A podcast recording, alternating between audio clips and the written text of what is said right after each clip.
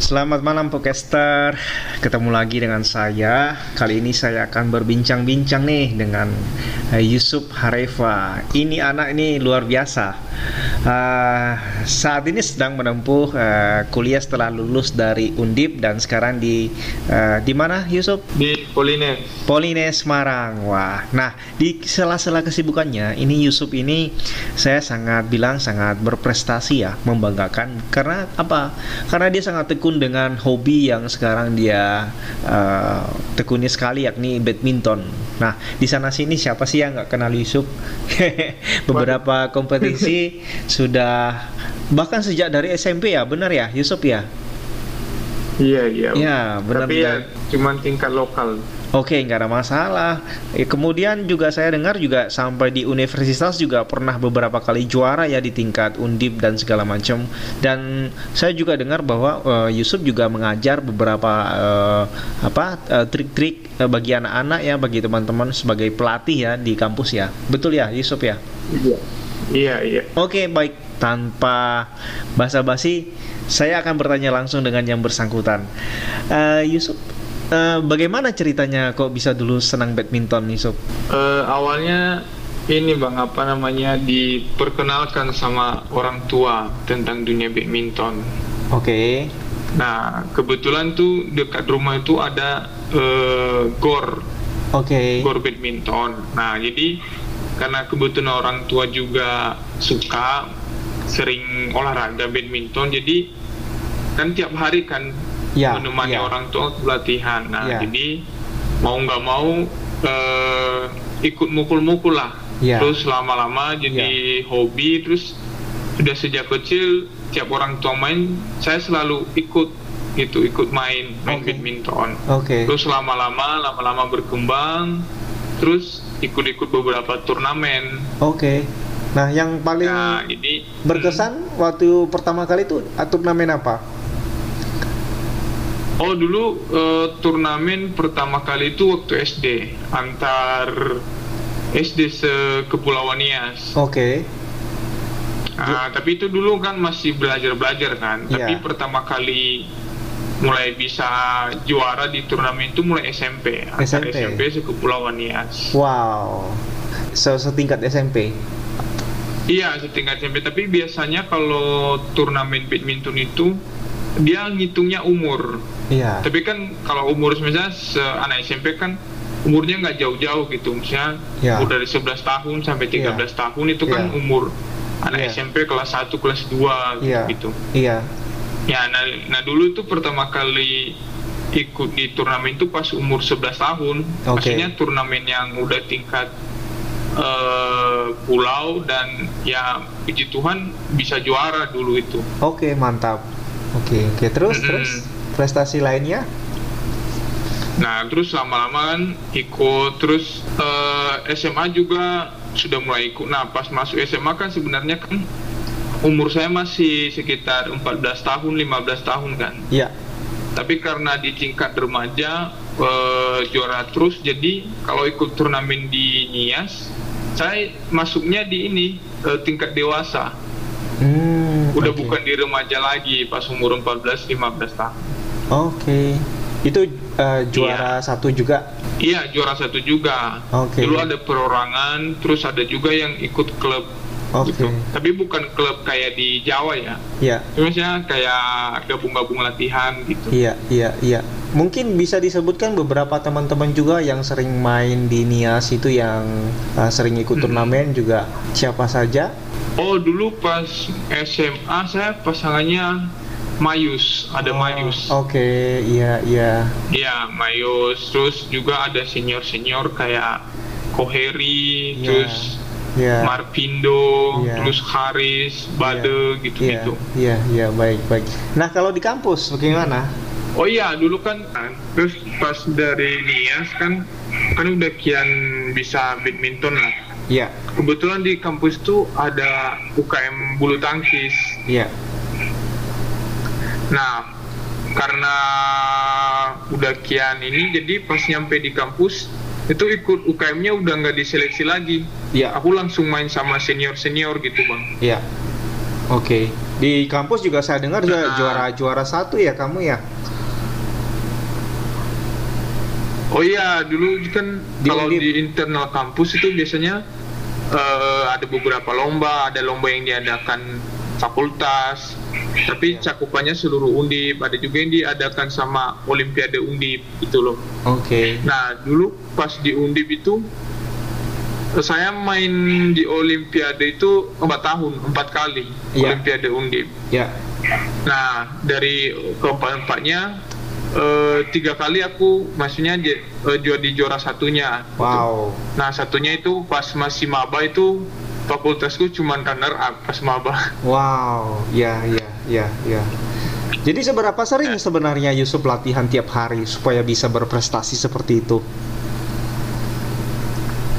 Ya sebenarnya sih sebaiknya latihannya itu tiap hari sih bang. Maksudnya kalau pengen menekuni badminton kan tapi yeah. kan ini karena apa namanya mahasiswa kan maksudnya fokus kita udah bukan ke bid, prestasi badmintonnya lagi maksudnya badminton hanya kayak sampingan gitu loh maksudnya menyalurkan hobi nah kalau aku sendiri uh, sekarang posisinya kalau latihan badminton itu ikut teman-teman minimal tiga kali seminggu. Oke. Okay. Nah, terus selain dari latihan main, saya juga uh, latihan fisik lari gitu-gitu oke okay, oke okay.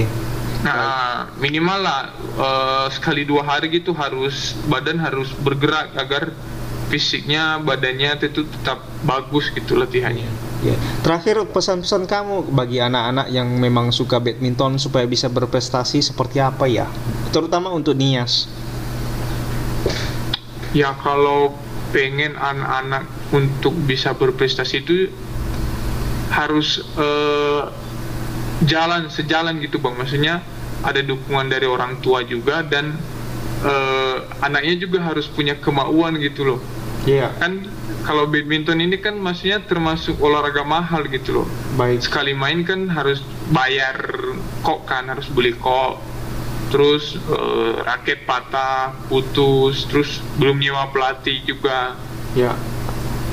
Nah, terus si anak juga harus ini, harus benar-benar mau gitu loh maksudnya kan capek kan kan ya. kadang anak-anak umur-umur 6 tahun 7 tahun itu disuruh capek itu nggak mau iya betul betul nah tapi nah, jadi harus ada niat juga si anak maksudnya dia menyukai dunia badminton gitu loh baik baik nah jadi sehingga dia pas dilatih itu dia benar-benar menerima porsi latihan dari pelatih gitu.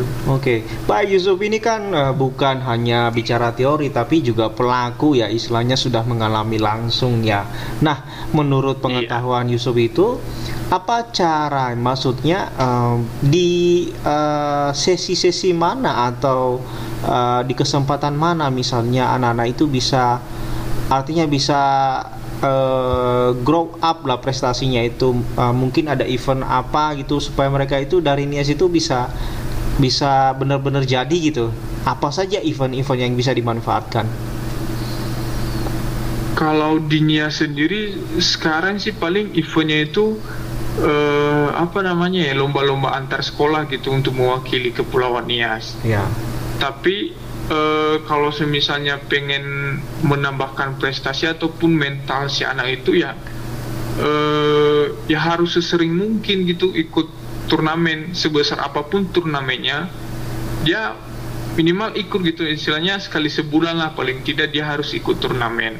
Karena kan kadang kalau kita nggak ada turnamen kita nggak ada motivasi untuk latihan lebih keras. Hmm, tapi kan hmm, kalau ada turnamen kita ada pencapaian ada target juga kan. Jadi iya, kita betul. bisa uh, lebih semangat lagi pas latihan. Bagaimana dengan seleksi-seleksi klub-klub gitu? Apakah memungkinkan nggak?